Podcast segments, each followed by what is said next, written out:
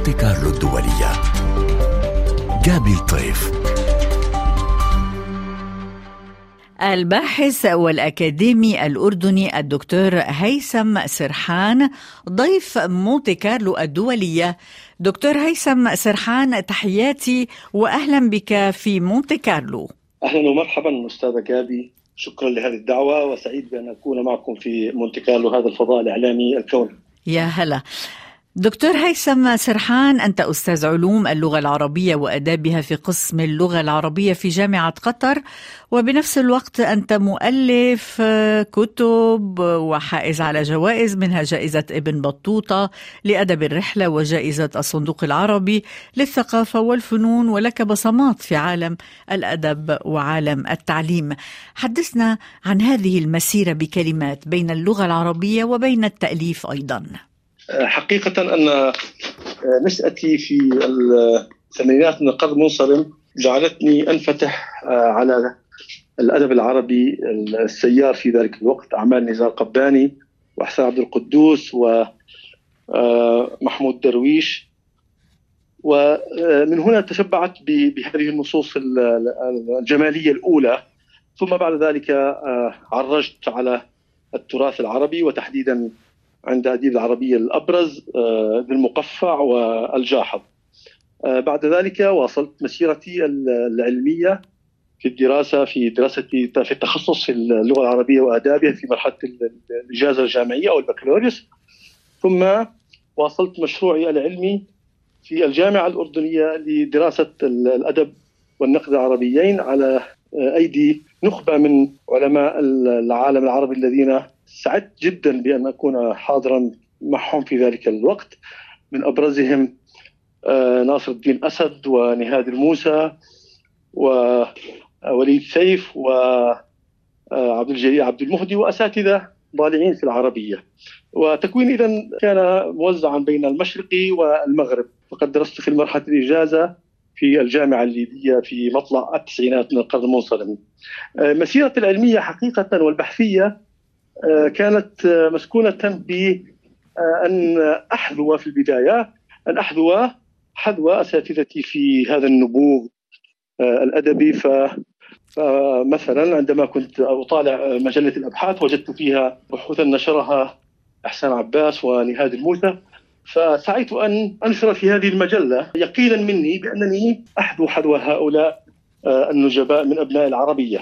نعم دكتور هيثم سرحان لم تقتصر تجربتك فقط على المنطقة العربية بل تعدت الحدود إلى الولايات المتحدة الأمريكية وكندا حيث عملت في الولايات المتحدة الأمريكية وكندا كباحث. حدثنا عن هذه التجربة. حقيقة أنه من الضرورات المهمة في هذا العصر أن ينفتح الباحثون العرب على إنجازات الأكاديميين الغربيين فيما يتصل بالأدب العربي، وجهت لي الأستاذة الدكتورة مارغريت لاركن أستاذة الأدب العربي في جامعة يوشي بيركلي دعوة وقضيت شطرا من اجازتي العلميه في تلك الجامعة. وكان موضوعي في البحث هو صورة المثقف وموقع المثقف في السرد العربي الكلاسيكي وكان الجاحظ هو محور تلك الدراسة.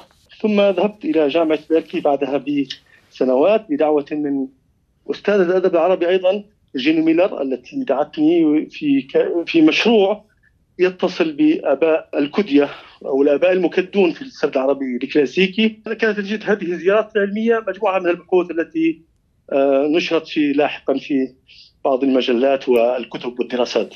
نعم دكتور هيثم سرحان تدافع عن اللغة العربية وعن التراث وأيضا أنت مختص بأدب الرحلة حصلت على جائزة ابن بطوطة لأدب الرحلة عام 2019 ماذا بقي من هذه الجائزة فيك ومن أدب الرحلة؟ حقيقة أن العناية بالعربية أمر مهم جدا ذلك أن هناك منافسة هائلة بين اللغات في هذا العصر. والناظر في واقع العواصم العربية على وجه التعيين يجد أن هناك تدافعا بين مراكز تعليم اللغات الأجنبية. فنجد مركز كونفوشيوس ومركز سيربانتس ومركز جوته ومركز الأميديست والمركز المعهد الفرنسي أيضا. اذا هناك تنافس هائل على استقطاب أبناء العربية وتقديم الوعود اللازمة لهم من أجل تعلم اللغات الأخرى. للعيش في تلك البلاد. إذا هنا نستدعي مقولة ابن خلدون أن اللسان يدور مع العمران دوران العلة مع المعلول وجودا وعدما بمعنى آخر عندما يزدهر اللسان وتزدهر اللغة فمن الطبيعي أن يكون العمران ماثلا وشامخا وحاضرا.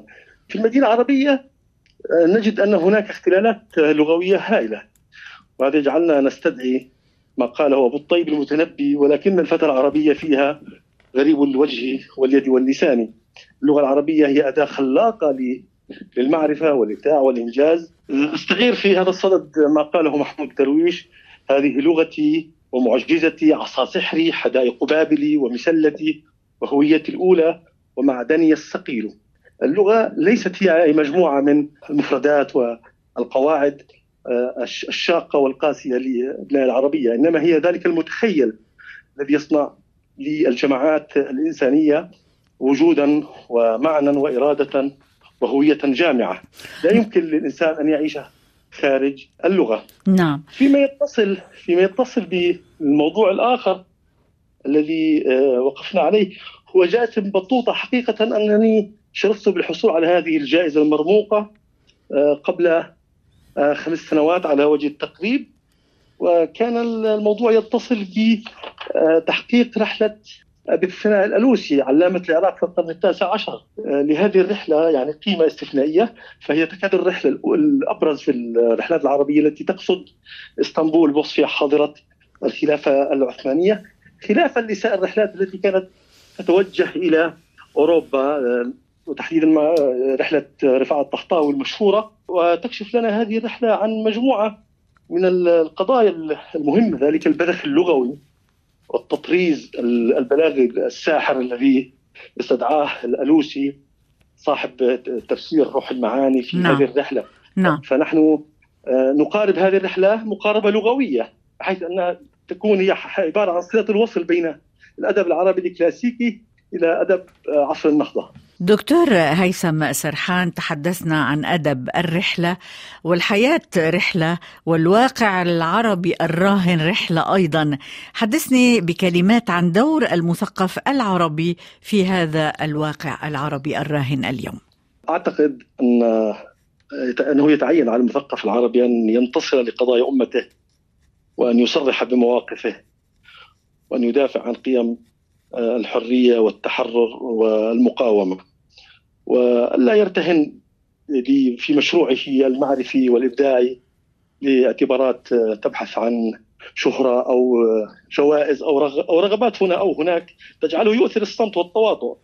الحقيقة أن فلسطين أعتقد هي الاختبار الأكثر أخلاقية في القيم والوعي، لذلك المثقف العربي يتعين عليه أن يراجع مشروعه في إطار المواقف الفعلية من ما يحدث في العالم العربي من اختلالات واحتلالات أيضا. يعني لا يمكن أن نفصل بين الاختلال والاحتلال وبين الطغاة والغزاة. نعود أيضا مرة أخرى إلى المتنبي الذي كان يقول لا افتخار إلا لمن لا يضام مدرك أو محارب لا ينام. أرى أن الاختبار الحقيقي للمثقف هو الانتصار لقيم الحرية والعدل والتحرر والمقاومة. أستعيد هنا ما قاله أبو الطيب المتنبي لا افتخار إلا لمن لا يضام مدرك أو محارب لا ينام. دكتور هيثم سرحان هذا يقودنا إلى الأدب الفلسطيني وتحديات الكتابة في هذه المرحلة برأيك. المفارقة الهائلة أن الأدب الفلسطيني هو الأدب الأكثر اتصالا بهذه القضية، القضية الفلسطينية التي لا تزال فصولها الدامية مفتوحة منذ قرن من الزمن على وجه التقريب. لعلنا نلاحظ أن ما يتعرض له الفلسطينيون من إبادة جعل الخطاب المقاومة لا يتوقف فقط عند فلسطين في معركة الطوفان الأقصى، لكن الآن الساحات الغربية والفضاءات العمومية الغربية التي هي ظلت تاريخيا حكرا على الحداثة الغربية وعلى قيم الديمقراطية الغربية أصبحت ساحات تطالب وتنادي بحرية فلسطين، بمعنى آخر أن أن الفلسطينيين نجحوا في تحويل تلك الفضاءات إلى فضاءات الحرية الكونية وليس الدفاع عن قيم الديمقراطية الغربية. بالنسبة للأدب الفلسطيني أعتقد ان أن هناك تحديات حقيقية تتمثل في في مطالعة هذا الأدب. المرحلة التأسيسية كانت مرحلة إنشائية ثم جاءت المراحل التسجيلية. هنا أشير إلى عبد الرحيم محمود وعبد الكريم الكرمي وتوفيق زياد ثم غسان كنفاني وفضوى طوقان. وسادت في العقود الأخيرة في العقدين الأخيرين أدب الاستذكار واستدعاء الذاكرة. في تقديري فإن إن الأدب الفلسطيني القادم سيكون أدبا كونيا بمعنى آخر في مرحلة بيروت والوجود الفلسطيني في لبنان. كان الأدب الفلسطيني أصبح أدبا عربيا. الآن في ظل التحديات القائمة والتحولات القائمة في فلسطين الأدب الفلسطيني سيبدأ بتحقيق حضور عالمي وكوني. وهنا تتجلى مكامن الإبداع الكاتب الفلسطيني في تحويل الخطاب إلى خطاب كوني وعالمي، لا سيما بعد هذه المناصرة الهائلة في الشوارع الأوروبية والساحات في الغرب. الدكتور هيثم سرحان الباحث والأكاديمي الأردني شكرا لك من مونتي كارلو الدولية. أطيب التحيات مع السلامة. حوار مونتي كارلو الدولية جابي الطيف